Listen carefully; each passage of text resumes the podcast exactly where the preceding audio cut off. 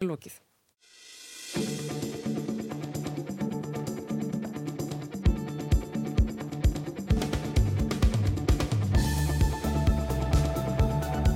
Sýteis útvarpið, alla virka daga frá fjögur til sex.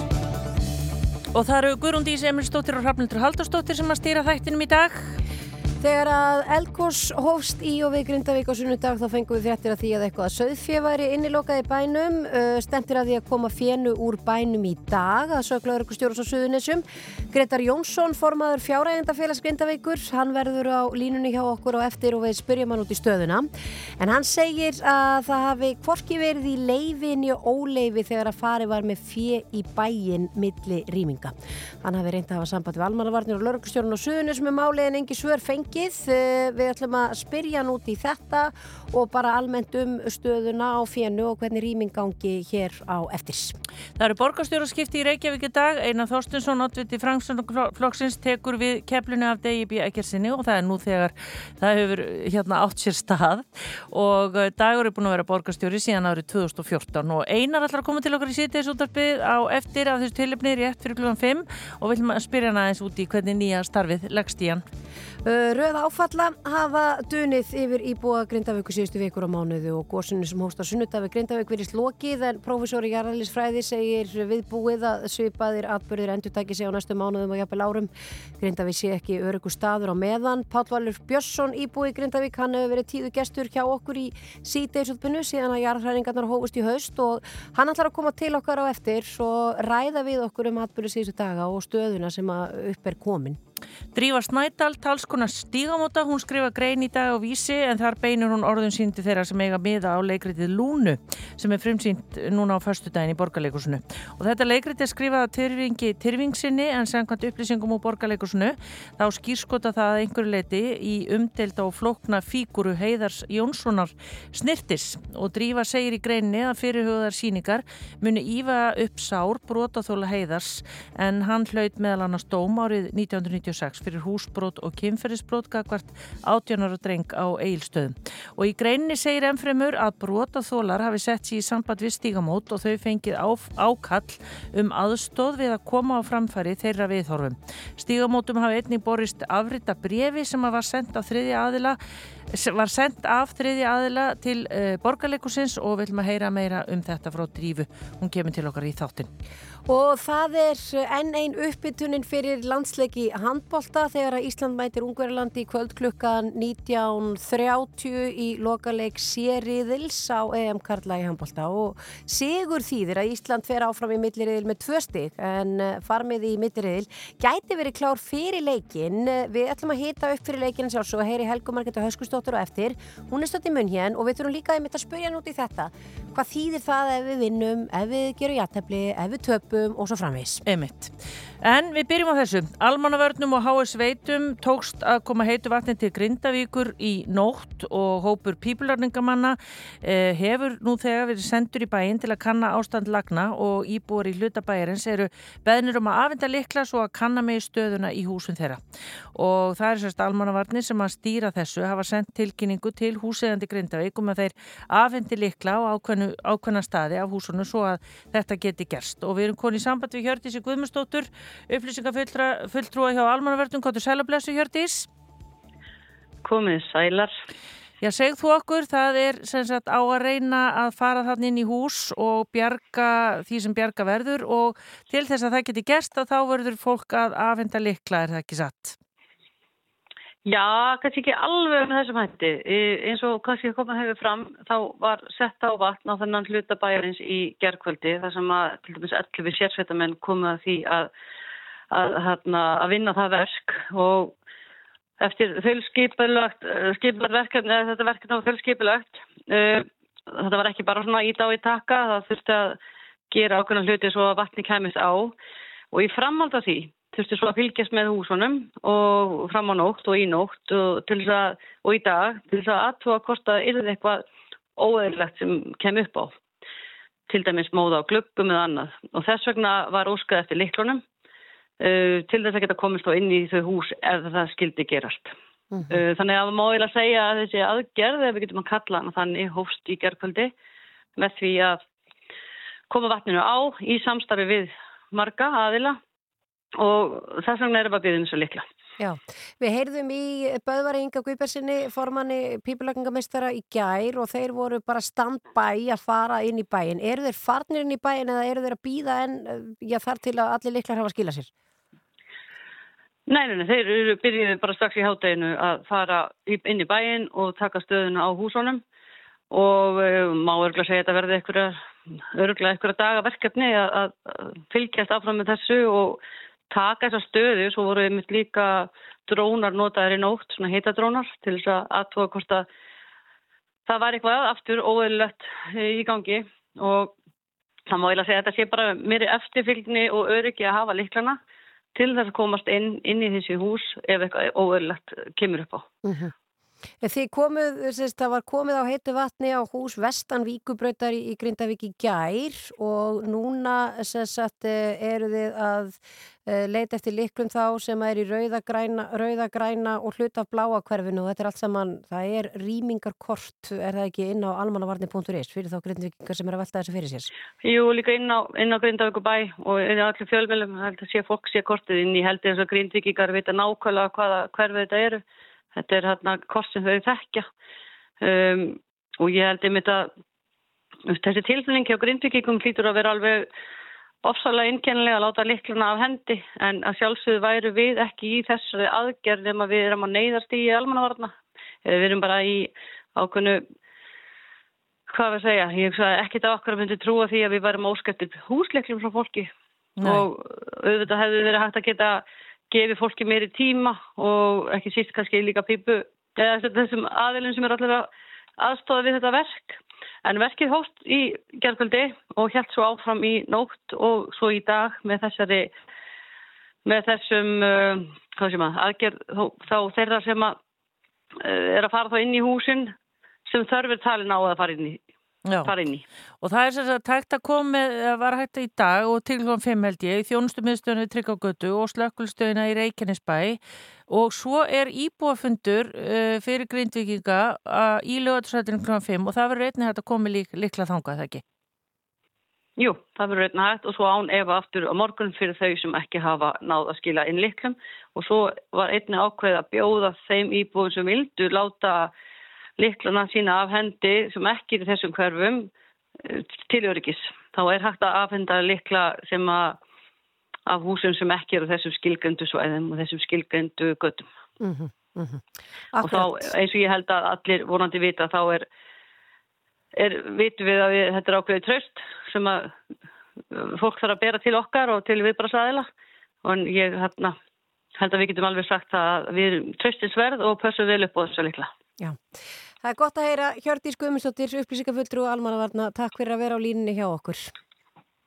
Takk sem leðis. Takk fyrir þetta og við hvetjum nú bara fólk til að kíkja inn á almannavarnir.is. Það er ótrúlega flott heimasíða bæði, svo heimasíða og svo líka Facebook síða mm -hmm. og þar eru allar þessar upplýsingar og ekki það, þetta er nú væntalega ekki farið fram hérna einum sem að eiga þarna hússegnir en það er um að gera fyrir fólk að kynna sér þetta betur. Já.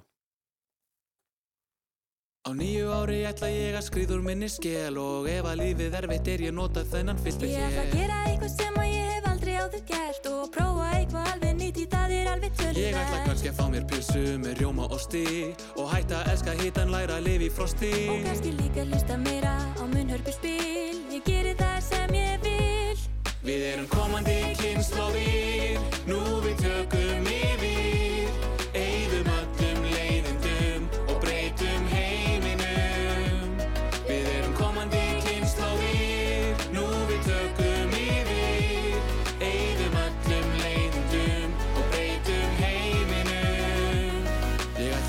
Hlusta á aðra alveg sama hvað er sagt. Fara mína eigin leið, ekki morgun heldur strax. Og ef ég ætti núna fyrir framtíðin að spá Ég held við leysum erfið mál og framundan eitt visslu á Ég ætla kannski að baka köku úr hundasúrum Kannski sapna kerti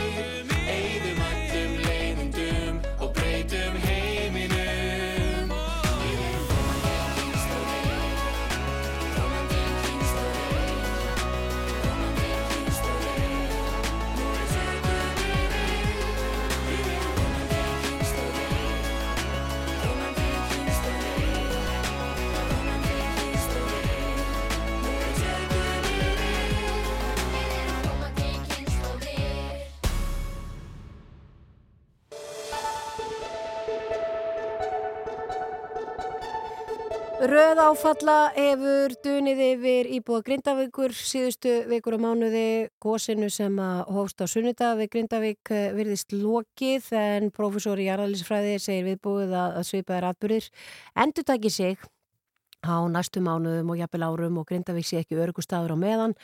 Páll Valur Björnsson, íbúi í Grindavík, hann hefur verið tíðu gestur hjá okkur í síðdeis út af bunnu síðan að jarðhræringarnar hófust í, í haust og hann er ynga komið, kontu sætlublesaður, Páll. komið, komið sælar báðar Uh, og gleðilegt ár já, gleðilegt ár. Uh, já, atburðir síðustu daga, við höfum náttúrulega fengið þig uh, til þess að ræða við okkur áður bara um líðan og, og stöðuna en, en þetta er bara áfall á áfallofan.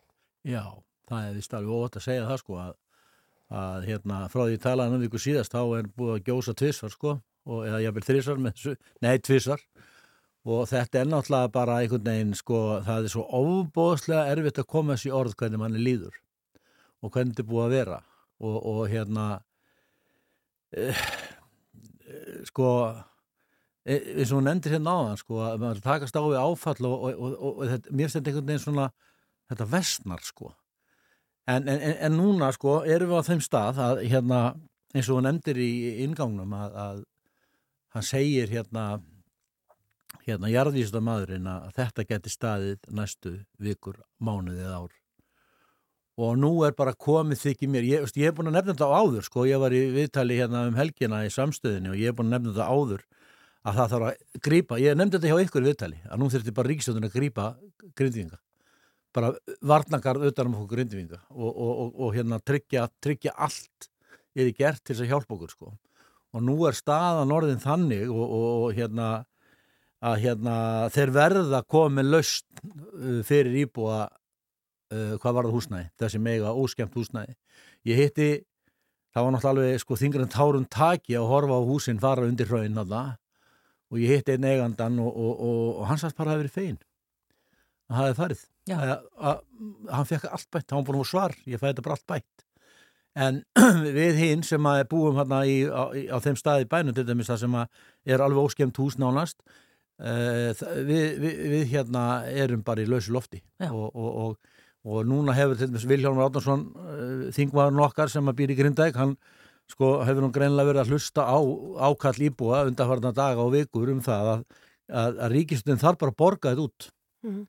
Þa, það er bara þannig Hann talaði um það í Silfrinu í gerkveldi að það þyrti að bjóða þeim grindvikingum sem að myndu vilja það, þeim veit að keiftar yrðu íbúðir af þeim og, og þau fengu þá forköpsrétt síðar að þessu Já, já. húsnæði því að Og það fannst mér eiginlega aldrei vera svona tónnin í öllum þeim grindvikingum sem var að tala við þar í gæra að, að það er engin í stöðu til þess að taka einhvern veginn ákvörn um það hvort það vilji flytjast aftur til grindavíkur akkurat núna á meðan fólk er í miðjum storminum. Nei, nei, það auðvitað, sko, nei, sko, það er svo allskins tilfinningar og, og við erum sveiflunst til og frá og, og, og hérna, ég er bara hitt fólk sem að er búið að búa þarna allir sinna æfi, borið og badfætti grindingar og heyrtið þeir bara all, aldrei heima aftur, þeir ætla ekki að upplifa þetta aftur og, og sem að, sko, þegar maður segir upplifa þetta aftur og aftur, að ég las nú hérna jarðfæðisögu grind, hérna reykjænskaðan bara í síðustu viku, ég gerði það bara ganni mínu að fara, rúlaði bara í gegnum hana og var að skoða þetta, það, er, það er hérna hérna vefur sem heitir ferlir.is það sem er algjörlega fjallað um allt sem er alla staði á Suðunisum og þar á meðal er jarfræðisagan og ég las hana. Og þar kemur í ljós og það segja jarfræðingar alveg nákvæmlega eins og þeir hafa nefnt núna undarförnu að það gís á þessu svæði á svona eldvirkun svæðum á 750 til 1000 ára fresti. Þegar það ferist þá stendur það yfir áratugum og jáfnvel árhundruðum saman. Og það sem að maður að upplifa núna er það að þetta var rosa fínt að þetta var í fagrættasfjalli og, og hérna þetta var bara svona fallið túristagos sem var ekkert að tröfla okkur grindinga nema kannski bara út af mikill umferð og annað. En núna er þetta bara komið inn í bæin sko. Og, og þetta er á vestasta og svartasta sviðsmyndin sem var sett upp fyrir okkur, ég man því satt í bæðastjórn þá var verið að teiknum fyrir okkur svona sviðsmyndir það, þetta var eina af þeim að þetta geti gerst En einhvern veginn erum við mannfólki þannig að við trúum ekki að þetta skuli gerast, en nú er þetta búið að raungerast. Og ég, veist, ég var þarna eins og ég, ég, ég gist í grindaði þrjá nættur í síðustu viku að ég þurfti þess. Ég gæti ekki verið í næsta rannstæðar, ég hafði ekki neinn hús að venda og mér leiði alveg ofbóst lítla.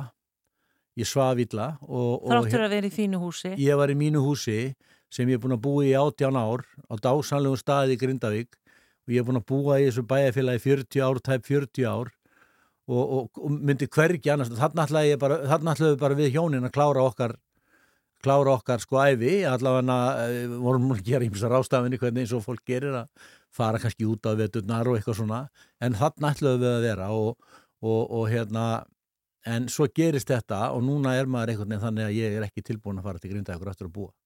Var bara svona eitthvað, einhver órói ógmælegt. Já, mann fannst það og, og vissulega var komin fólk að heim sem að bara hafið þessa sterku trú alltaf bara byggja upp bæinn og við bara mætum heim og hlustum ekki á neitt e, röfl sko eða, eða, eða, eða ráðleggingar.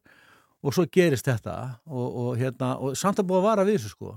Almannavarnir, víðir var mjög á móti að fólk var í bænum og, og jarðæðlisfræðingar og þeir sögðu þetta væri ekki örugu staður að búa á.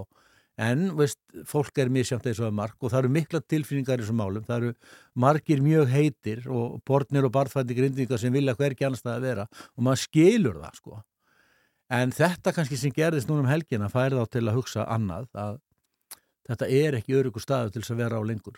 Svo gerist náttúrulega þessi ömurlega sorglegi atbyrður, þetta slís. Já, Og það er náttúrulega lítur að hafa verið ákveðin vendipunktu líka. já sko, sko bara fyrst, fyrst ver- verður bílslýsið þarna á Grindavíkói alveg skelvilegt sko sem að eh, setti mann alveg út af læginu sko, maður vissi náttúrulega ekki fyrst hver, hver þetta var og hver þetta voru og og það skiptir svo mengum máli, maður far strax að hugsa til grindvíkingar sko, þetta voru ekki grindvíkingar en samt fólk sem vinnur í Grindavík og þetta var, þetta var svo sorglegt sko að maður bara gæti ekki á heilsu tekið og síðan deyri þessi maður hann við störfi í Grindavík þar sem hann dettur hann í sprunguna og það var gríðalegt áfall sko. Það, það var rosalegu skellur vegna þess að það búið að vera keiri í þessar sprungur, það búið að reyna að fylla í þessar hólur en það er bara opnast aftur og aftur og aftur.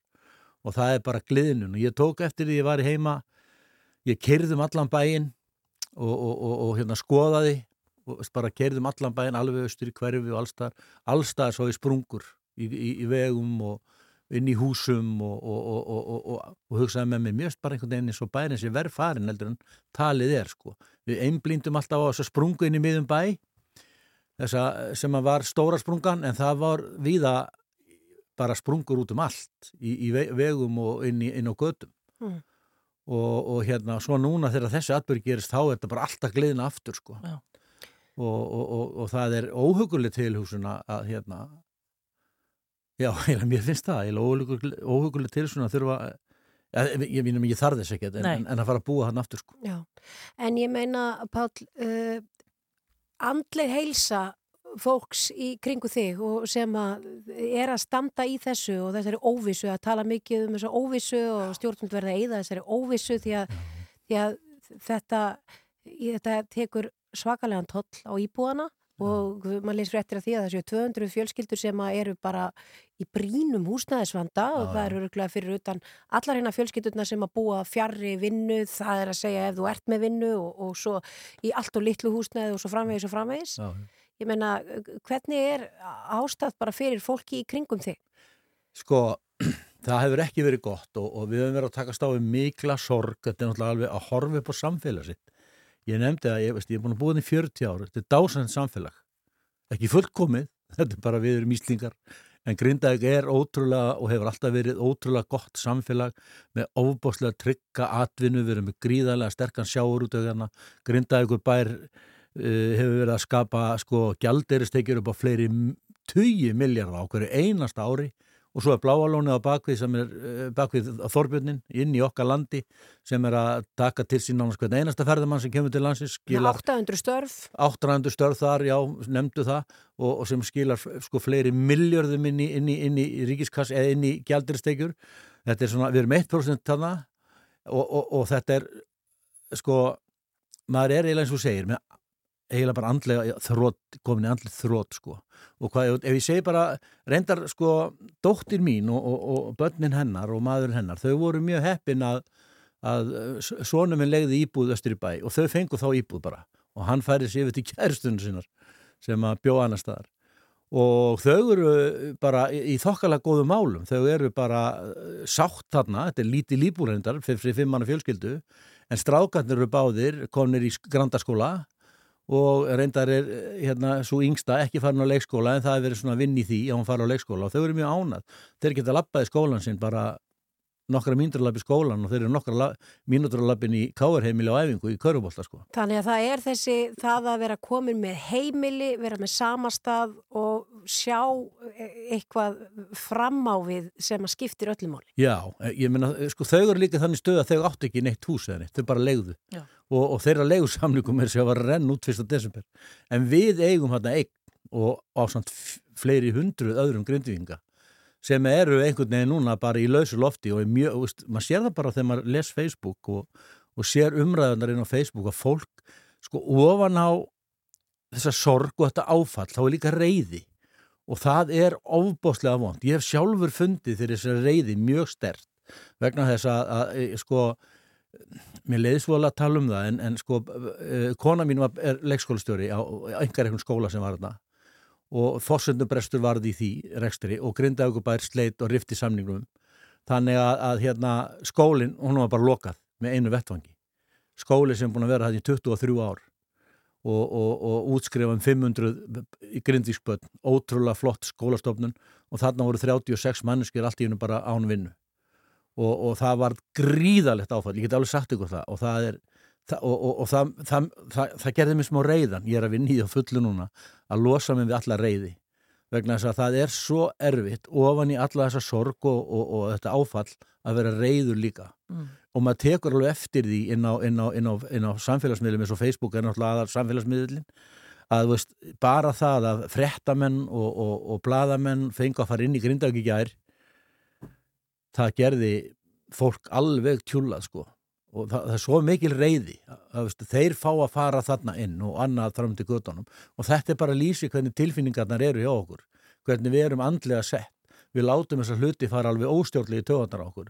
Við fáum ekki að fara inn og reyna að bjarga okkar eignum og annað á meðan að frettamenn, bara þetta er eitt dæmi sko. En er þetta ekki þannig, Pál, sko, að sko, það veit einhvern veginn engin neitt.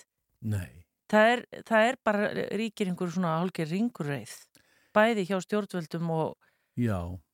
og ég, mér finnst þetta að hafa verið einkjenta frá upphafi. Sko nú verður mér mjög illa við að vera að gaggrina fólk eitthvað og ég veit að við erum alltaf að reyna að gera okkar besta en þetta hefðum standa betur að þessu. En, en það er ekki eins og við höfum kannski þurft að gera þetta oft áður. Það er, Nei, ef ég segi einhvað til varnar, kannski, Nei, ekki þetta kannski en, en sko grind, na, Ísland er land náttúrhamfara og við erum, sko við erum lent í snjóflóðum, mannskjáðum snjóflóðum Flateyri, Súðavík, Neskustadur nefnd, veist, og, og, og hérna aurflögun í, á Seyðisfyrði og, og símalínurnar og raflínurnar fyrir norðan og allt þetta sem getur gerst öðru kvoru og við erum að eigum einhvern veginn að vera mér finnst það einhvern veginn að eina ríkustu þjóðum heims á bara að eiga sjóð. Og þegar svona náttúruhamfæris sem enginn getur ráðið við, ríða yfir þá er bara skipur stjórn, neyðar stjórn og þetta er borgað. Og eins og núna til dæmis bara með þessar íbúðir eins og þú nefndir þessi hugmynd að þeir kaupa þetta, það eru forgóðsrettur þá hefur alltaf hana fast landundi fótum. Ég, bara, ef ég tala fyrir mig þá fengi ég bara borgað út húsið mitt ég myndi geta borgað upp lánin mín og svo tekið ákveðinu framvaldinu hvað ætla ég að búa. Ætla ég að leia, ætla ég að kaupa mér þá er ég bara með fast land undir fótum. Og það er það sem fólk þarf að fá. Það þarf að fá fast land undir fætur og, og, og, og ég er alveg á því veist, og stið alla þá og vona svo innileg hjarta mínu að grinda ekki verið bær áfram. En það getur orðið ofbóðslega langt í það að, að þarna verði eh, bær það sem hægt er að treysta. Mm.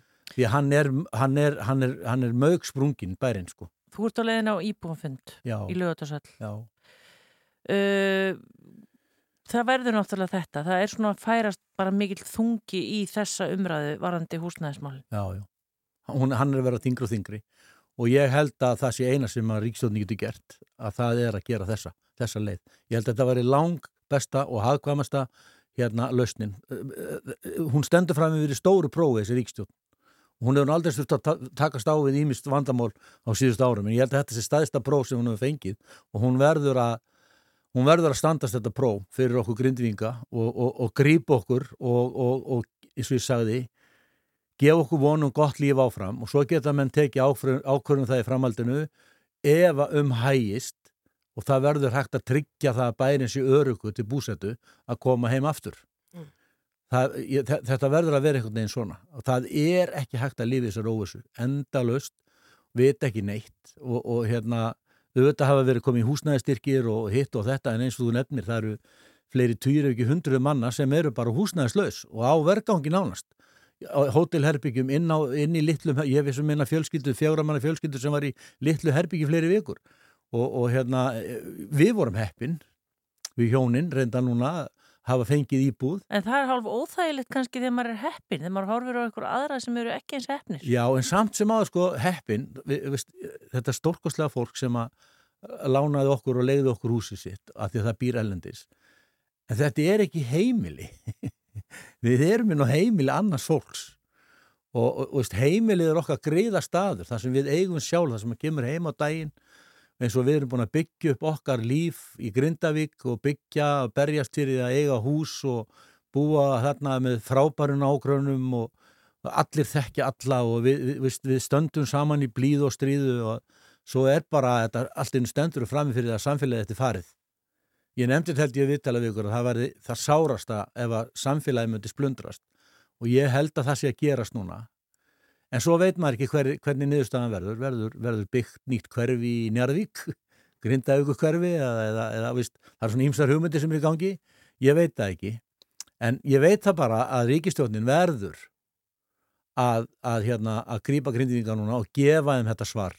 Við kaupum ykkur út. Já, við vonum að það verði allavega að skýrist einhverjar línur á Já. þessum íbúa fundi á eftir sem að hefst klukkan 5 miljóðarshöll. Ég vonum það. Við ætlum að fara að hleypa þangað og svo að Já, en mér langar líka við má bara aðeins stela nokkur segundum endilega. bara þakka öllum þeim sem hafa komið að björgunarstarfi í Grindavík, björgunarsveitinni, Þorbirni og, og, og hérna, þeim öllu þessu sjálfbóðaliðum sem hafa komið inn og, og hérna reynda að gera bæinn byggilegan aftur og, og, og, og, hérna eins og einn fórnaði misti lífsitt þarna sem var skelvilegt e, til dæmis ég veit ekki hvort þið horfðu á það þannig að þegar menninir hlöpu og björguðu vinnuvélunum hlöpu upp á varnakantin þar sem að raunið, veist, þetta var ótrúlega sjón, kvílík, hugdirska set, og, bara með því náður að loka gatinu og, og maður er óendilega þakkláttur fyrir allt þetta fólk, ég er óendilega þakkláttur fyrir hérna for, formenn knaspindudeildarinnar, Haugur Einar, Einarsson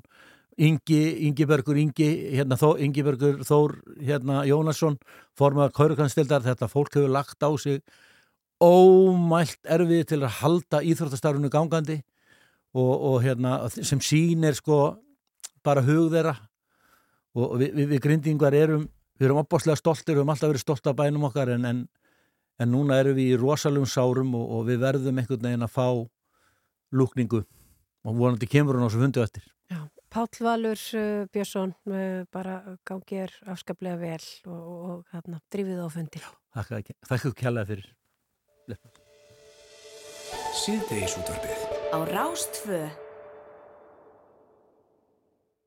This is the beginning. This is not the end. I wanna see it all. See it all. Thank you for allowing me to see you.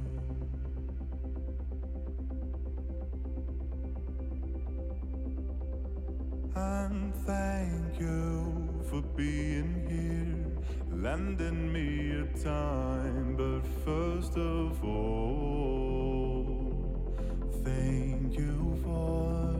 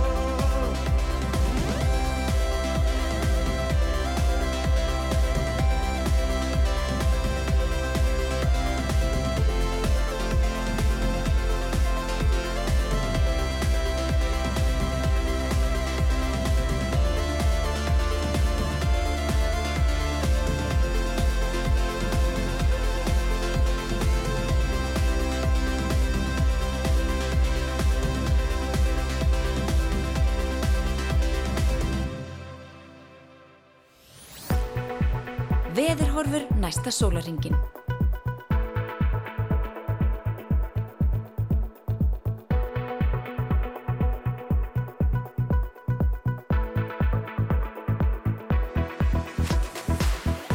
Að heyra aðeins af því hvernig mun viðra. Það var alveg sko lettilega kallt þegar maður hérna fór út í morgun og það er kallt bara á öllu landinu.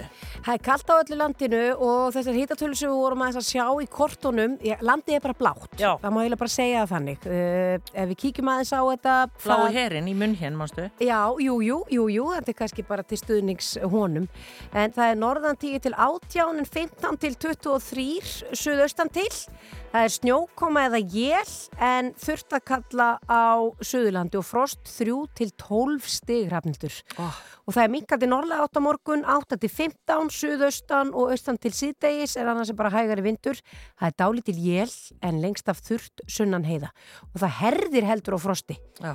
og ef við kíkja á fimmtudaginn einmitt þá er ég að sjá hérna nei, ef við kíkja á föstudaginn Já. þá er ég bara að sjá 15 stiga frost á Akkurir og Egilstöðum, 8 stiga frost í Reykjavík 11 stiga frost í Bólingavík og 9 stiga frost á uh, Kirkjubæðaklustri Ég kom með varaþurk bara. ég er bara, já, ég Mm. hrættum að maður er, maður er eftir að springa manni vararna vegna hitabreitinga núna Já.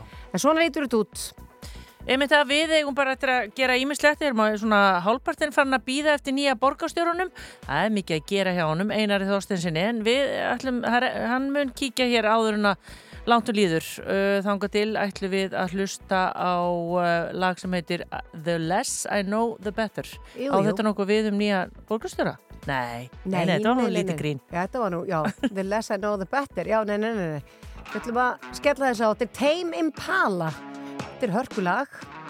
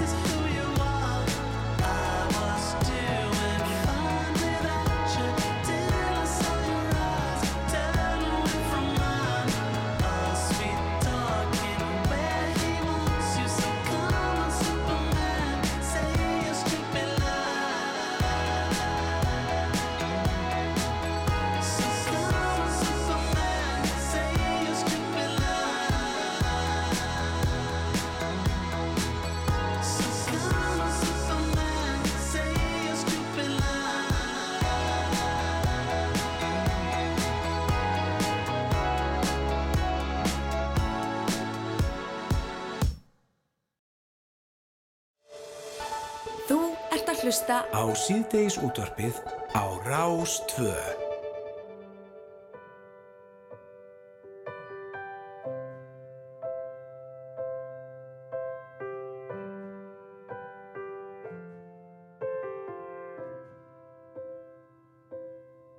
Líkt og ástarljóð sem enginn fekk að njóta eins og sem geymir óræð orð. Eins og gömul hefð sem búið er að brjóta. Þar er ég, þar er þú, þar er allt það sem ástin okkur gaf. Þannig týnist tíminn. Þannig týnist tíminn. Þannig týnist tíminn þó byrtist við og við. Líkt og sumar ást sem aldrei náða blómstra. Líkt og trega tár sem geymir falleg brós Þarna er gömul mynd sem sýnir gladar stundir Þar er ég, þar er þú, þar er allt það sem ástin okkur gaf. Þannig týnist tíminn. Þannig týnist tíminn. Þannig týnist tíminn þó hann byrtist við og við. Þannig týnist tíminn. Þannig týnist tíminn Þannig týnist tíminn þó hann byrtist við og við. Líkt og mynd sem bjó í vonarlandi þínu. Eins og æsku þrá sem lifnar við og við. Býr þar sektar kend sem ennþá nær að særa Þar er ég, þar er þú, þar er allt það sem ástin okkur gaf. Þannig týnist tíminn. Þannig týnist tíminn. Þannig týnist tíminn þó hann byrtist við og við. Þannig týnist tíminn. Þannig týnist tíminn Þannig týnist tíminn þó hann byrtist við og við. Líkt og ástarljóð sem enginn fær að njóta. Endar sem gulnað blað er geymir óræð orð. Eins og gamalt heit sem búið er að brjóta Þar er ég, þar er þú, þar er allt það sem ástin okkur gaf.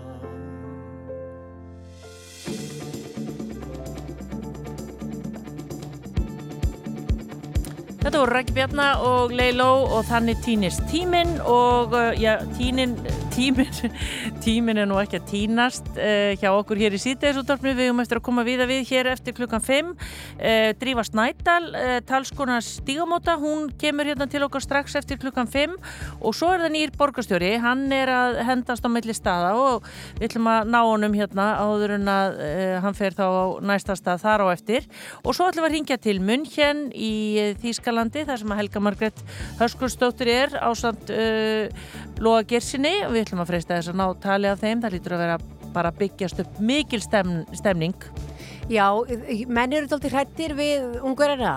Að Ég horfði á síðasta leik sem að ungverjar spiluðu og þarna er stór og stæðilegu strákur sem að skora mikið að mörgum. Já og ég held að Lói Gersson hafi líst honum við lest Já. hann var eins og lest þarna á línunni Já, ha, þetta er einhver rúmlega 100 kíló maður sem að ég held að sé ekkit auðvelt að stoppa. Nei, En ég hef dáttar ágjör strákurum okkar á eftir en ég, ég held með þeim og ég, ég er bjart sín. Þannig að við þurfum að heyra líki Helgu og hún þarf svona aðeins að fara yfir því að það gerist eiginlega aldrei að við séum að spila landsleik þar sem þarf ekki að hugsa um sko ef við gerum jafntefli, ef við gerum svona, ef við gerum hinsinn, hvað þýðir það, þannig við þurfum að tjekka á því hérna eftir. Já, endum þetta fyrir fimm á Benna Hem Hem og Kór og lag sem heitir París Norðusins.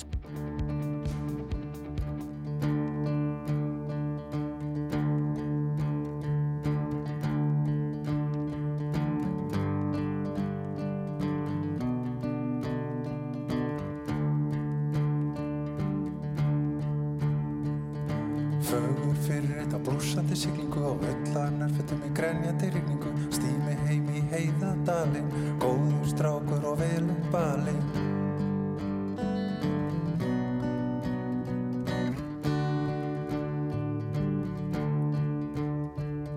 Mikið verður gott að knúsa kerlu Erlu, erlu, erlu, góðu erlu sem giftist mér því ég kunni að skaffa. Sjómaður, sonur að saffa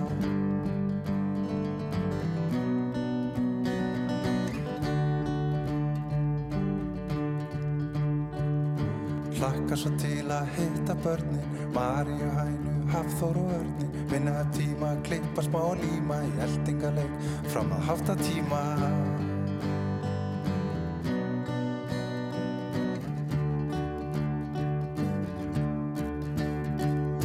Hafi, þekki ekki annað. Hafi, var harmenni annað. Mamma, sultu slögnuna Sistir mín, gunna þunna vangifinn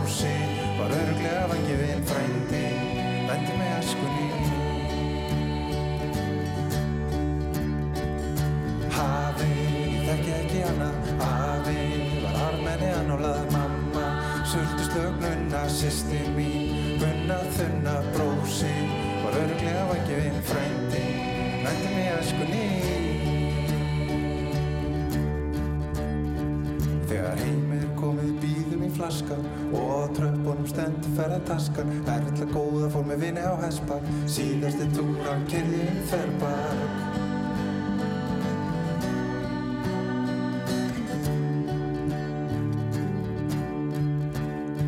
Þegar botnin að bara standa upp aftur Þetta veit hver heilvitar aftur. Vatnandi mönnum er best að lifa Henni geta bara geti hundaskít og slefa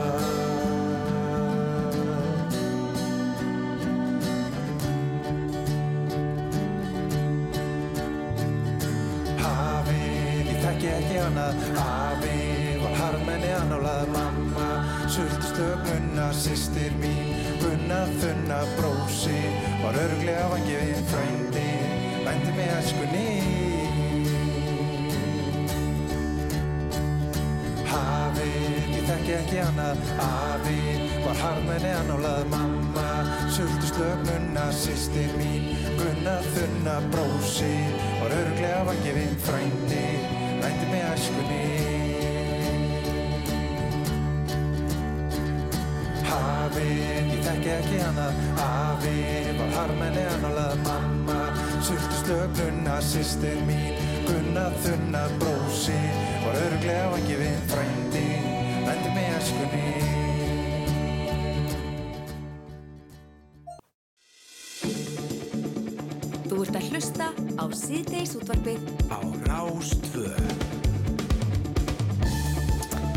Já, það vil til að við erum með hérna, fólk sem er gott í tímasetningum hérna í síðdegisúttarpnu. Við sögum að nýr borgarstjóri er komin hérna klukkan þrjármyndur yfir uh, fimm, Gunna, og það tókst. Klukkan er þrjármyndur yfir fimm og Einar Þorstinsson er mættur yngar ný krýndur, saði ég við eina manneskið hérna reyna. Hann er kannski ekki ný krýndur, en hann er nýtt Það var sko Friðrik, Það manstu. var Friðrik. það er, það er aldrei hátilegt sko.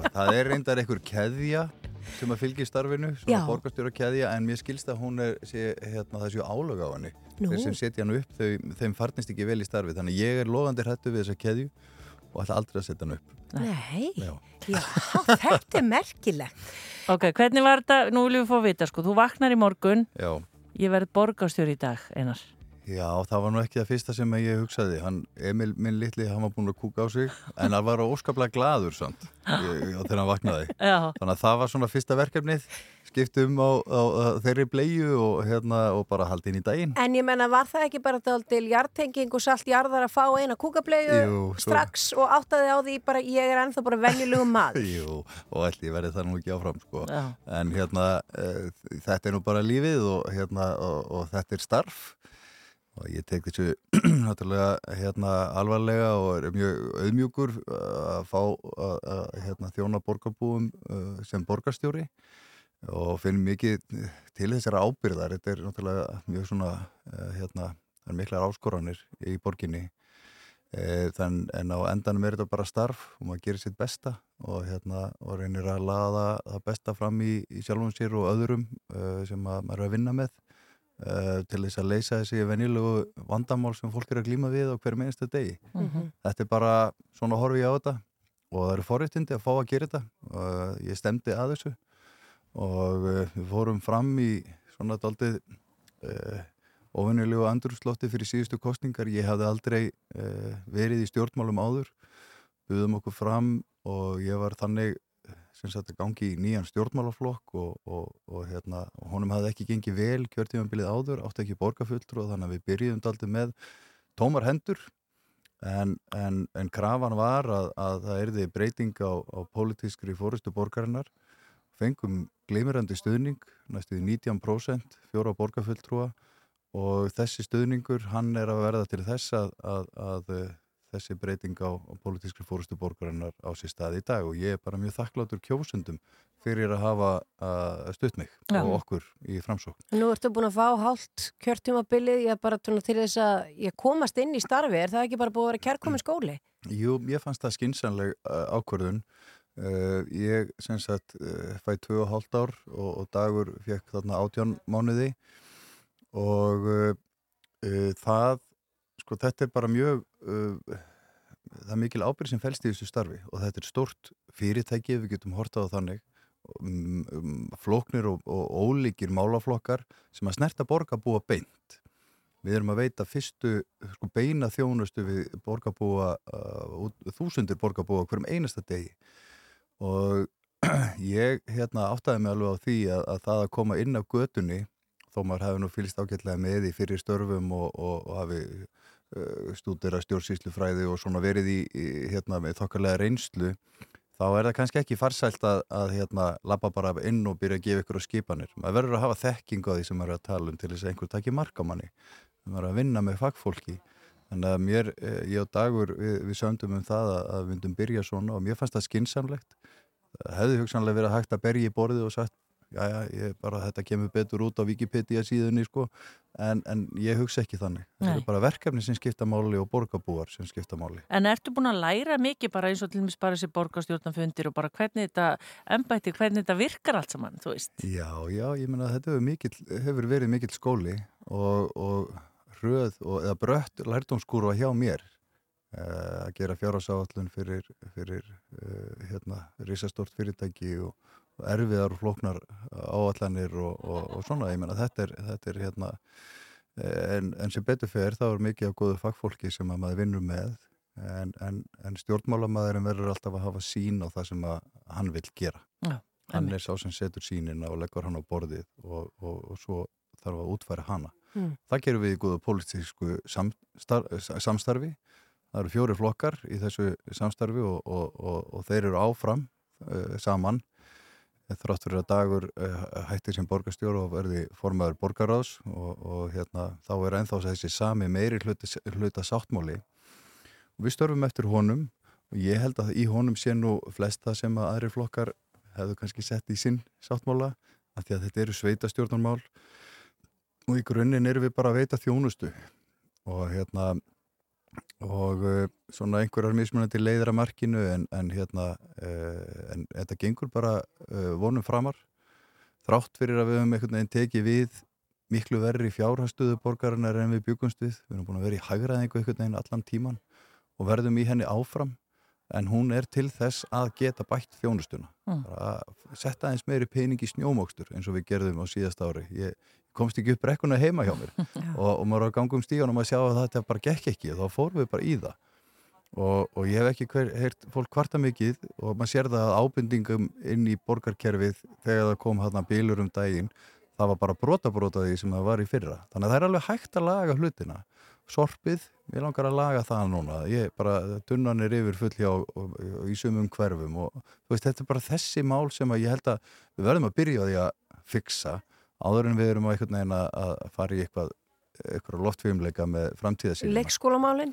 almáttur, ég menna þetta er bara gríðalega brínt en við erum á sama stað og öll önnur sveitafjölög sem að í raun og veru getur kannski byggt 100 leikskóla en það myndi samt ekki leik, leysa leikskólavandana því okkur vantar starfsfólk þannig að nú erum við bara á þeim stað að reyna að, hérna, að vinna á þessum bygglistum og erum með það mjög sko, fremst í, í, í forgangsröðunni á okkar verkefnalista.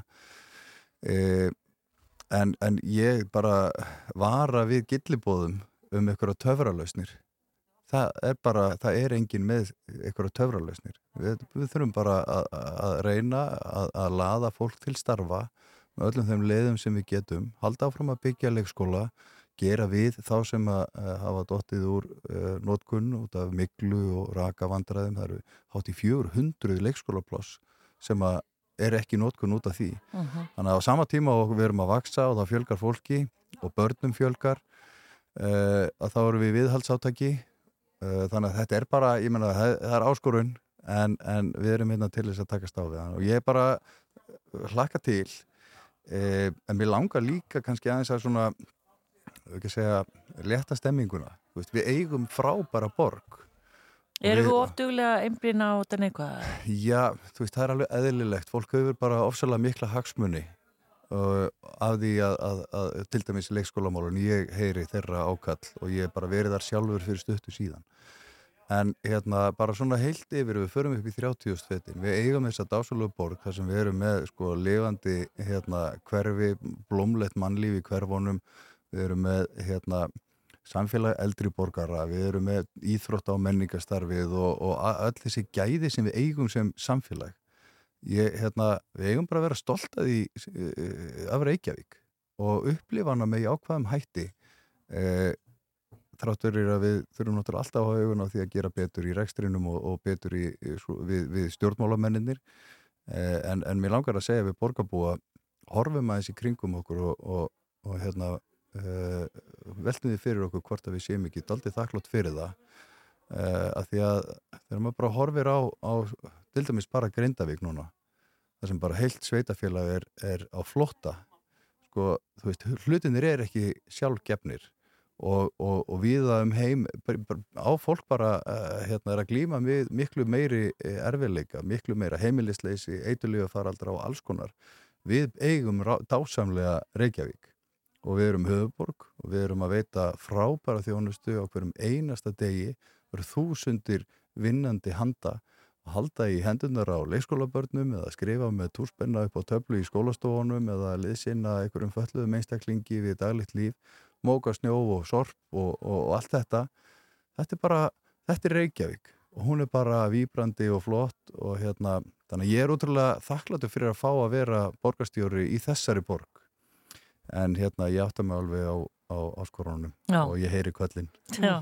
Ah. Hva, hvað er núna? Nú er það bara næsta, er, er partí Já, það? ég er búin að vera bara á hlaupum eins og þið vitið það var víst hérna eitthvað, eitthvað, eitthvað umferðar teppað þarna hjá Kóbúi og það hafði áhrif hérna alveg inn í, inn í, inn í borgina en hérna núna ætla ég að fara og hitta fjölskylduna mína hún býður heima og hérna og bara undirbúa morgundaginn. Það er, e, það er bara fundur klukka nýju og, og hérna og dagbókin er nú þegar orðin uppbókuð þessa viku og næstu. Þannig að hérna svo bara fundir, mér langar að fara út á feltið og hitta borgarbúa og hlusta á þá hvað vilja þeir að ég geri? Já. ég ætla að eiga þannig samtal. Ég óttast að þú þurfur að venjast í að vera á hlaupum einar. já, ég hugsa það líka. Það er ágætt, ég er ágætlega að skóa þær. En bara Einar Þorsteinsson, uh, borgarstjóri Reykjavíkur, takk fyrir komuna og gangið er afskaplega vel. kæra þakkir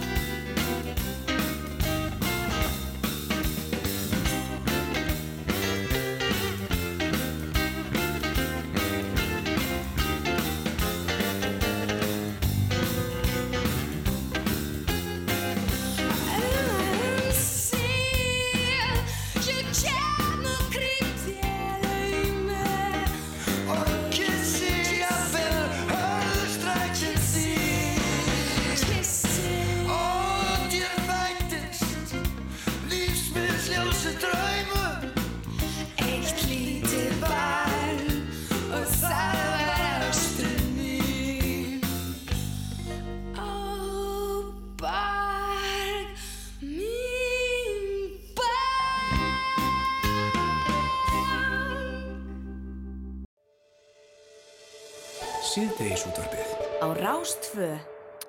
Drífa Snædal, talskona stígamóta, skrifa grein í dag á vísi en þar beinir hún orðum síndi þeirra sem eiga miða á leikritið Lúnu sem að frumsýnd verður núna á föstudaginn í borgarleikusinu og leikritið er skrifað af Tyrfingi Tyrfingsinni en samkvæmt upplýsingum úr borgarleikusinu þá skýrskotar það að einhverju leiti í umdelda og flokna fíguru Heiðars Jónssonar snirtis og Drífa segir í greininni að fyrirhugaða síningar muni ífa upp sár brotaþóla Heiðars en hann hlaut meðal annars dóm árið 1996 fyrir húsbrot og kynferðisbrot gagvart átjónar og dreng á eilstöðum. Og í greininni segir ennfremur að brotaþólar hafi sett sér í samband við stígamót og þau fengi ákallum aðstóð við að koma á framfæri þeirra viðhorfum. Stígamótum hafi einnig borist afrita brefi sem var sendt frá þriði aðila til borgarleikusins og drífa er hinga komin. Verður velkomin. Takk fyrir.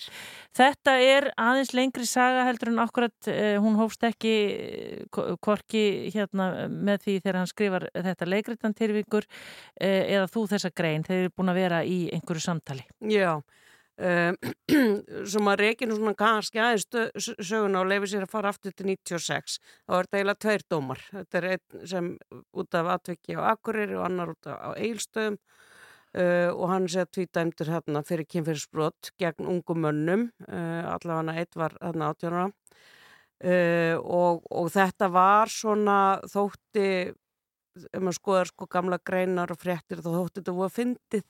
Þetta var eitthvað svona hvernig þetta, þetta atvikaðist og, og hérna og ef maður hugsa sko hvað, hvað aflengar kynfyrirsbrot hafa brotaþóla þá var það svona bara skömm og, og hérna bara egna sér skömmin einhvern veginn og sektakent og kvíði og dóði og, og þegar samfélagi viðkennir þetta eiginlega ekki sér brot og kannski bara gerir grína því að þá, þá verður þetta örglega verri afleðingar.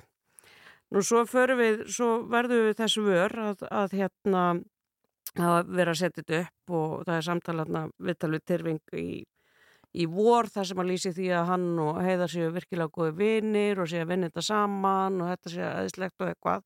Og við fáum bara ákall frá brótaþólum og segja bara við höfum reynda að koma okkar framfæri við borgarleikusið, getið aðstu okkur og við förum inn í þetta mál. Og, um, og sett, hérna förum þetta fund með Tyrfingi og Brynhildi leikustjóra og reynum að útskýra svona aflengar fyrir brotaþólum, hvað, hvað þetta getur gert og hvað aflengar það getur haft fyrir brotaþóla og það sé verið að hampa hana eða, eða fjalla um, um hérna uh, kynverðsbrota mann uh, án þess að taka til eitt brotaþóla og þeirra líðan. Og við heldum í rauninni að þau myndi svona blása af þessa síningu en, en svo var ekki Uh, og, og við vorum svona veltaði fyrir okkur hvað við ættum að gera því við viljum heldur ekki vera að auglýsa þessa síningu það, er ekki, það er ekki þannig að maður vil tekka það að sér.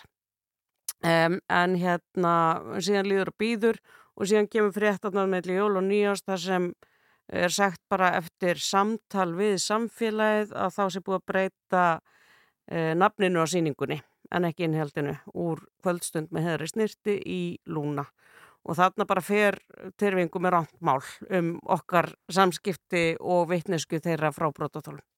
Já, Hva, hvernig þá? Bara... Já, svona hann, mér finnst að hann gera heldur lítið úr reynslu brotaþóla, hann segir að einhver einn maður út í bæ hafi ringt og, og leiðið illa og, og þess vegna hafaði svona svona ákveða að taka tillit til hans og breyta nafnur á síningunni. Þetta er náttúrulega miklu, miklu lengra og þetta eru fleiri brotaþólar sem á borgarleiku sem veit af og hefur fengið skilabóð frá. Já. Þannig að þetta er ekki bara einhver eitt sem ringir þetta er og síðan að þau ekki voru áttu við þarna þennan fund og, uh, og, og mér finnst það uh, ástæði fyrir því að ég skrifa þessa grein og, og ávarpa svona þá sem ég að miða á þetta leikrit ef ég ætti miða á þetta leikrit þá myndi ég vilja fá að vita það að þetta var í óþökk brotaþóla og geta þá tekið afstötu þess hvort að ég sæði þetta leikrit eða ekki hmm. af því að fyrir mér er verið að sko hérna, þetta er þessi gamaldags hugsun að það er verið að líta fram hjá afleggingu fyrir brotaþóla eh, og, og hérna og hampa kemursprótamanni Já, en ég meina eftir, hefur verið haft samband við stígamót eftir nafnabreytingun og beðum að hafa samband við borgarleikusið? við höfum verið í stöðu samskipti við brotaþóla, já. Já. En, en ég meina, það er talað um sko, ég meina, eh, má í raunni, gafkvært, já, sem sagt ykkur, ekki tala um einhvern sem hefur framislíkan glæp. Eða hvernig metið þið það? Já, sko, e, mér finnst ef að við eigum aðeins að uppfæra samfélagið og, og koma okkur inn í nútíman uh, með alla þá veitneskjum aflenga kynverðsbrota sem við búum yfir uh, að þá finnist mér að ef það ætti að fara inn í svona mál og tala um, um einhverja sem hefur brotið öðrum að hafa þá samband við brotaþóla segja bara, þú veist, er eitthvað sama? Þú veist, við erum eitthvað sem að gera þetta svona. Við viljum ekki valda meiri þjáningu heldur en orðin er uh, af því að við vitum að þetta er erfitt og, og, og hérna uh, á köflum óbærilegt. Um, þannig að maður hef, hefði viljað að vera gert af einhverju slíkri nærgetni en þarna eru sko í þessu tilviki eru bara hundsað algjörlega vilji brotaþóla og þessi síninga voru frumsýnd á förstu dag nú þegar búið að valda rosalegri vanlíðan, skilur við En hvað veistu- svo sem inntak síningarinnar er bara uh, þetta sem brotaþóli að sitja uppi með það að það sem gerðist fyrir þig er talið svo léttvægt að það þurfi ekki að taka tillit til þess. Og þetta fjallar ekki heldur bara um brotaþóla uh, heiðars. Þetta fjallar um bara alla brotaþóla uh, marga brotaþóla sem sko tryggarast af þessar umræðu. Og hugsa byttu er það þannig að borgarleikusið uh, taki ekki, hafi ekki skilning á afleðingum gefurspróta, virði ekki þær afleðingar, virði ekki brotaþóla á því að listin á að standa framar og listin á alltaf að mega allt. En ok, það er sagt að þetta kynferðisbrot sé ávarpað í leikritinu. Veistu hvernig það er ávarpað eða, eða skiptir það í raun engum máli að því að þetta hefur bara áhrif á brota þegar hvernig sem það er ávarpað? Ég held að það skipta ekki máli að því að uh, nú þegar er sko borgarleikus er búið að, að hérna, seg, svona lýsa því yfir að þau taki ekki tillit til brotaþóla. Nafnabreitingi skiptir þar mjög litlu eins og við komum á framfæri við borgarleikusið uh, á síðasta ári uh, og nú þegar búið að valda uh, miklum mikilli ángist Uh, þannig að ég bara, ég, ég ætla náttúrulega rétt að vona að þau fari sæmilega með þetta. Uh, en allt sem ég hef lesið og þá er ég kannski helst að við vitnaði viðtöl við leikskáldið uh, snýra því að, að hérna uh, hampa heiðari og, og það mátti sjá það á fyrstu viðtölum við hann að heiðari var líka ætla eitthvað ákveðu hlutverk í þessari sýningu. Um, þannig að uh, já, ég Þú ert í þessari greininni drífa í rauninni ekki að uh, hvetja fólk til þess að einhvern veginn að, fara ekki í leikus heldur bara að hafa það í huga uh, hvað er þarna á ferðinni? Já, eins og ég segi, ef ég ætti með á þessu sýningu þá myndi ég vilja fá að vita að hún var í óþekk brotaþóla og ég persónulega myndi ekki fara, ég myndi snöða hjá því uh, en ég, náttúrulega, það er bara lagt í hendur hvers og eins uh, en ég myndi taka þá afstöðu að standa með brotaþólum og fara ekki á þessu sýningu. En hér með þau þá komið á framfæri að þetta sé í óþökk brotaþóla, uh, Drífa Snædal. Takk fyrir að koma til okkar og, og hérna, við sjáum hvað setur. Takk fyrir.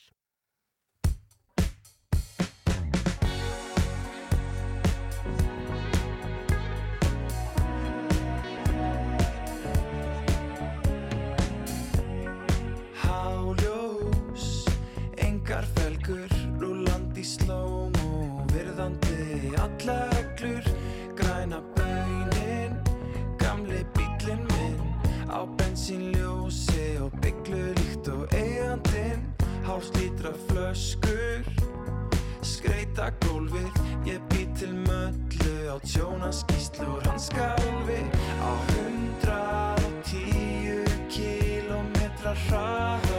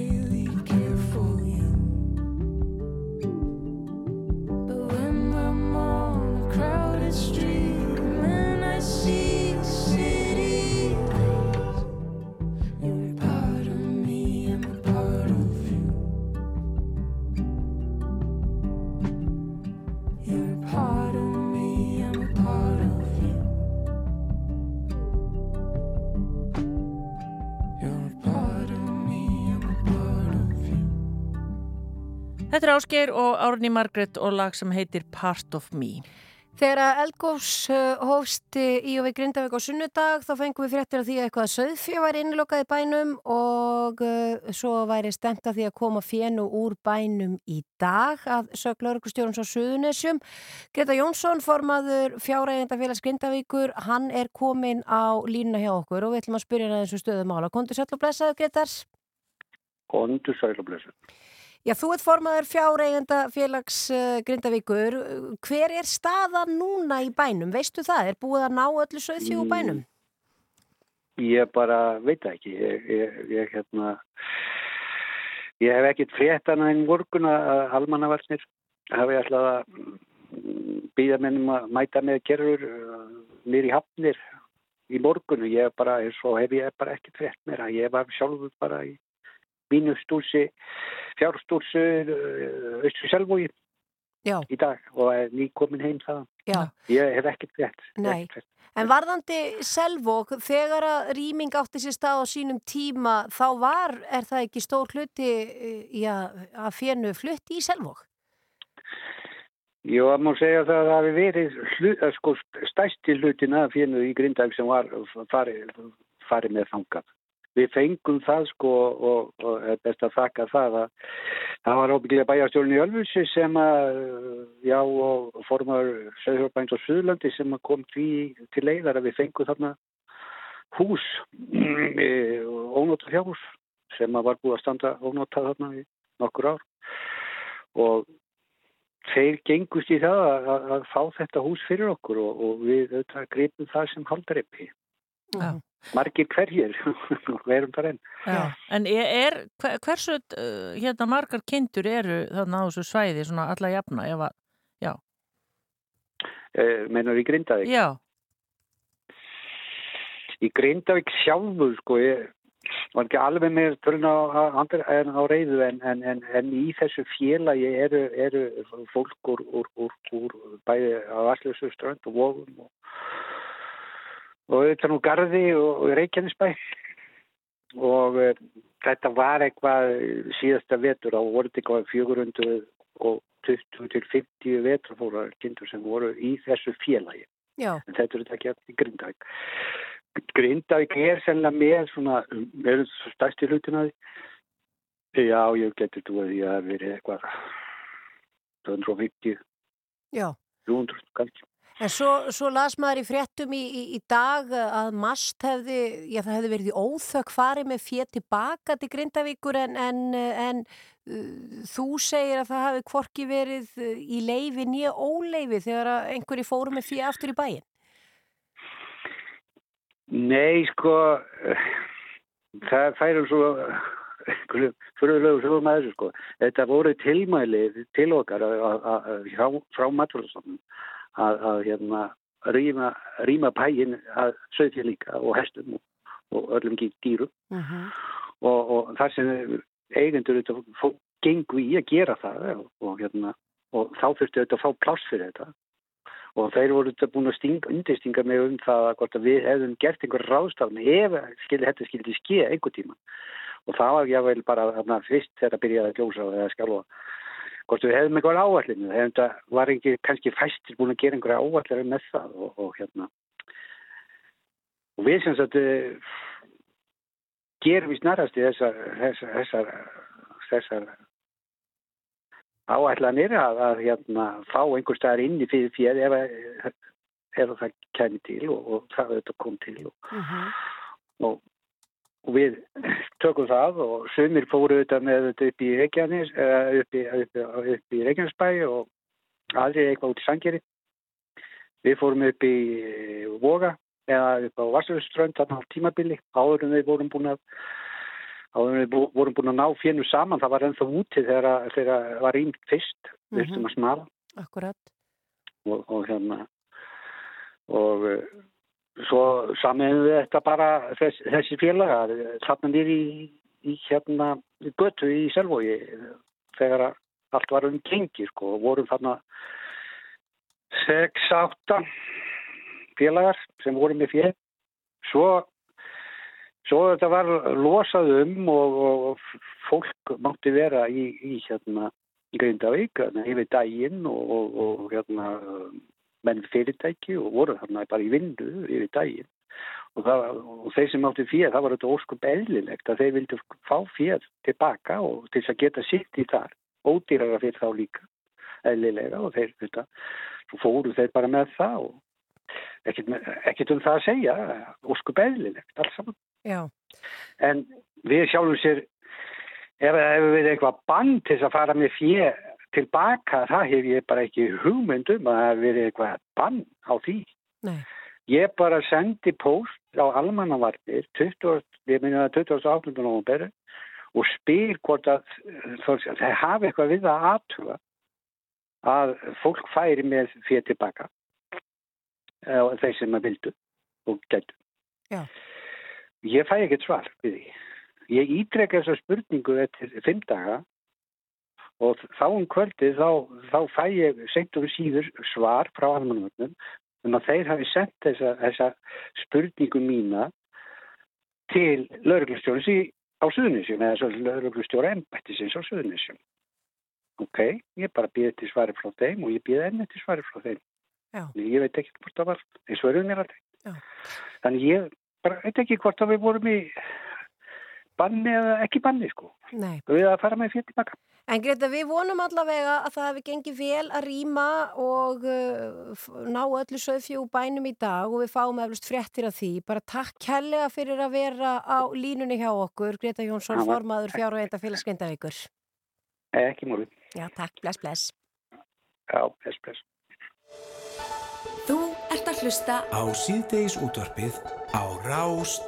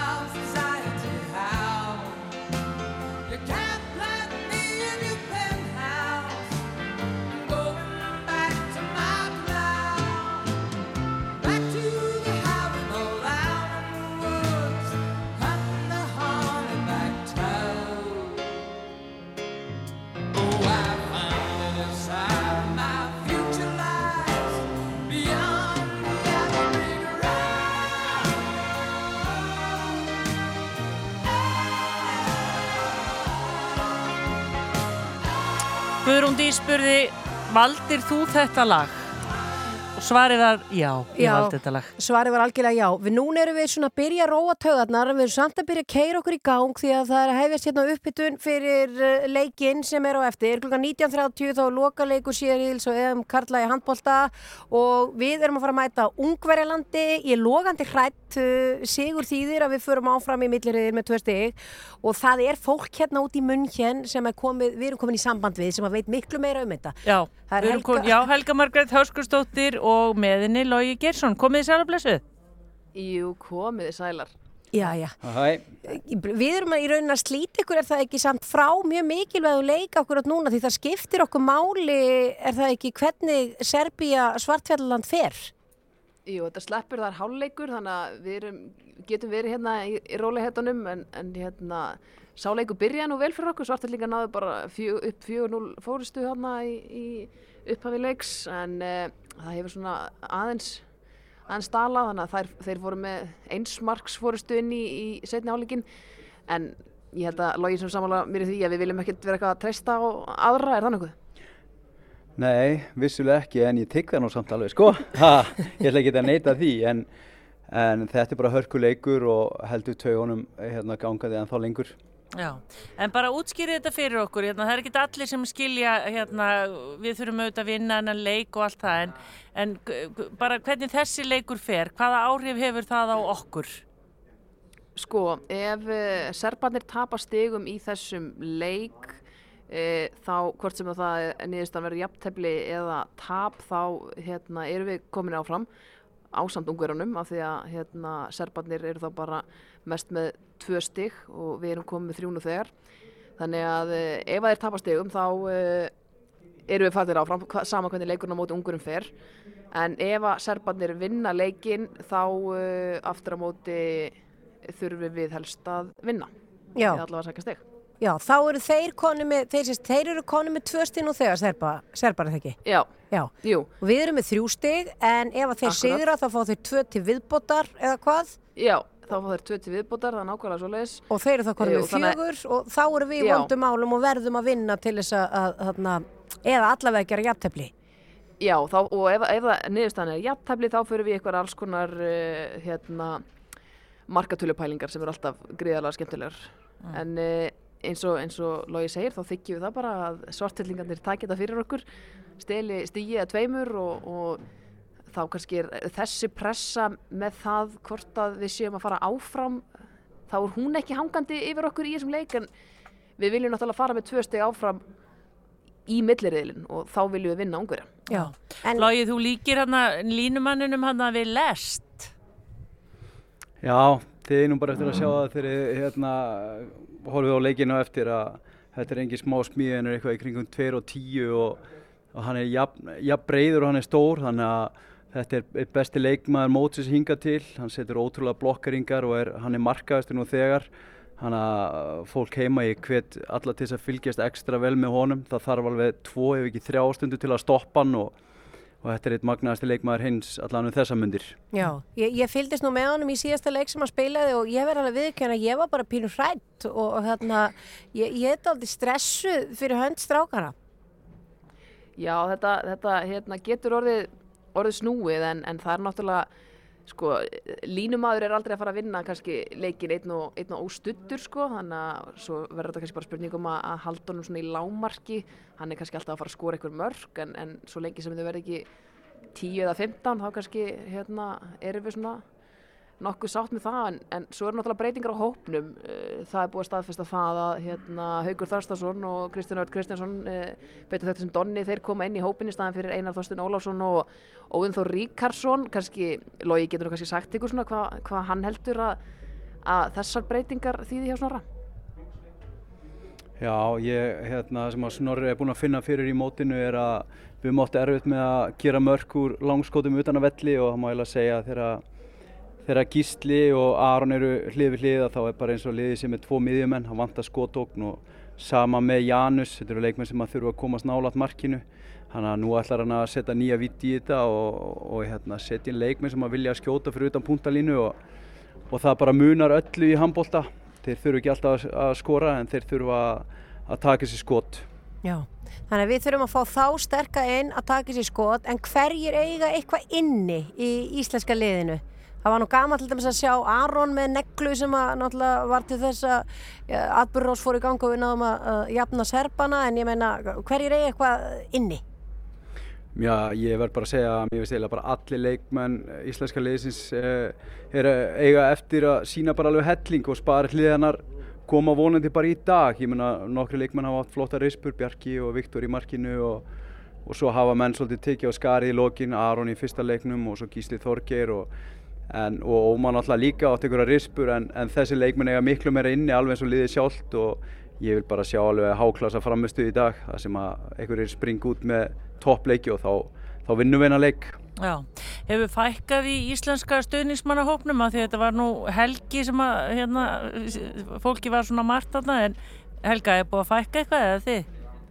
Sko, nei, ég held ekki. Ég held að, þú veist, ef eitthvað er sér bara meira, ég veit ekki, eh, það er svona erfitt að sjá, fólk er, fara, er að fara að týnast inn, í höllina af því að, af því að það er nú kannski allt í lagi að styðja bara svartfellingana áfram í, í þessum leik sínum á móti serpunum, en ég held að þetta sé bara mjög svipað og hefur verið. Ég meina, fólk, fólk kaupir sér bara með og dundra sér á alla þrjá leikina fyrst að það er að koma inn á annar borð. Ger ég, ég ráð fyrir og ég, maður hefur séð fólk sem er að koma út bara fyrir leikin í dag, þannig að ég held að það sé allavega ekki, allavega ekki sem við finnum fyrir sko. Nei, sko Jarl hefur verið að spá fyrir um úslit, ég veit ekki hvort það sé komið eitthvað í ljós um hverjan spáir í, í kvöld. Jú, Helga, sást þú það eitthvað? E, það er heldur betur komið, það kom nú bara í hátteginu minni á að hérna, fylgja rúf íþróttum á, á Instagram og Já. öllu samfélagsmiðlum þá fáum við þetta Mikið að gera hjá okkur, sko, nýr borgarstjóri og svona hérna hjá okkur. en hann er búin að spá og hann, hann spáir sigri og sko ef við, ef við ætlum að fara svona dýbra í spána þá byrjar hann sérst hann byrjar sérst á þefa á íslensku skálinni og þefa svo aðeins á ungversku og borðar svo úr íslensku skál, skálinni þannig að það kannski hægt að tólka þessum svo að, Ísland byrji betur og ungverðarnir eigi svo áhlaup en, en Ísland hafi þetta að lokum. Já, þannig að hann borðaði hráa ekkið úr íslensku skálinni sem er gott að heyra, en hverju spáðu þið? Sko, ég er búin að vera bara nokkuð nokkuð bjart sín fyrir hennar leik svona, ég held ein- eins og Logi var að segja, menn eigi eftir að springa út. Þú veist, ég bara trú ekki að það verði þrýr svona meðal, meðal leikir í röð. Logi, hvað, hvað segir þú? Já, ég gerði minna einn spá eins og með Jarl, hann hérna, Óskar myndatökum maður, ég sitt í morgumatnum alltaf öðrum einn og það hefur eiginlega alltaf ræst og hérna einmitt eh, var það ekki fyrstileikur sem við gerum jafntöflið þá einmitt borðaði hann báða diskana. Þannig að þetta hefur verið ótrúlegt og ég get sagt ykkur það að hann eh, sko borðaði ungurina mjög hratt í morgumat þannig að hafið engar áhugjur við vinnum þetta með 5, 3-5 ah. Það er er óskandi. ykkur ekki betur eftir þetta? Jú, allt annað líf, Jú, sko. þetta er allt annað, nú getum við aðeins, já, já getum við bara, þetta, er, þetta var mjög mikið frelsi sem við upplifum akkurat núna. Og nú er setna hálfleikur hafinn í þessum leik sem er, já, mikilvægur fyrir okkur og það er, Mhm. það er nú se- 14-16, eða ekki? Jú, jú, Serbía. Svartfjallaland er yfir. Já. Þannig að við Svartfjallaland er yfir, það er það sem við viljum. Það er það sem við viljum, við segjum bara áfram Svartfjallaland og áfram Ísland, við lökum til þess að fylgjast með ykkur í sjónvarpinu eftir. Takk fyrir Takk fyrir þetta Helga Margrét og Logi Geirsson og eins og bara alltaf hér á Rástöð þá verður leiknum líst í beitni útsendingu hér á Rástöð og þetta síndur í sjónvarpinu og uh, hann hefst klukkan halv åtta og þannig að það er nógu tími til að baka pizzur eða grilla hambúrgara eða búið til eðlu eða hvað það nú er. Já, eða bara henda pilsum í pott, sko. Já, eitthvað einfalt. Já, Já. og svo má náttúrulega líka, er þetta ekki fullkomin dagur að henda bara í plokkfisk eða eitthvað? Jú, jú, það er svo margt hægt að gera. Það er þjóðlegt. Já, en uh, við erum eiginlega bara komnar út á enda, ætlum að enda þetta bara á lægi, við erum búin að fá uh, marga í heimsókn og uh, Páll Valur Björnsson kom hingað, hann Já. er nú væntalega núna á íbúafundinum í lögatarsöllinni og mér skilst að það borist það, þangað kveðja frá fósetta vorum, Guðna. Uh, TH og uh, þarna er vist uh, með einhverju ríkistjórn og þannig að það er búist við hörkufundi. Já, er vonandi að fáist einhver svör við einhverju. Við heyrum líka Hjördísi Guðmundsdóttur út af liklum sem að já, grindvíkingar eru beðnir um að koma með til þess að það sé hægt að aðtuga með lagnir í húsum. Já, farin á almannavarnir.is. Svo kom nýr borgarstjóri Einar Þorstensson, Drífa Snædal kom til okkar og já, og svo nú voru þau hjá okkur Helga Margrét Hörskursdóttir og Laugi Gersson og það er þessi merki og stóri leikur klukkan halv átta, vonandi bara mikil stemning og áfram Ísland en við hveðjum ykkur hérna úr sýrdis útdarfnu ætlum að enda þetta á lagi með hljóðsturinn nýtönsk lag sem heitir Frelsið. Já, við getum öll sungið með, er það ekki? Og svona aðeins létta á okkur fyrir leikin.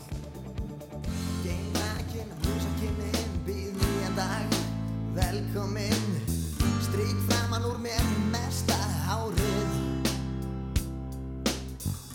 Norðangarinn feikir mér um kollin á þér sem þú liggur á grúfu. Andar að þér flóru landsins. Frelsið er indislegt Ég gerir það sem ég vil. Skildri maður verða leiður á því til lengdar að vera til. Frelsið er indislegt Ég gerir það sem ég vil Skildi maður verða leiður á því til lengdar að vera til? Minn er fullt af mold sem lyktar annars ágætlega. Getur fólk átt erfitt með að tala? Samt segir þú mig sannlega frá öllu sem þér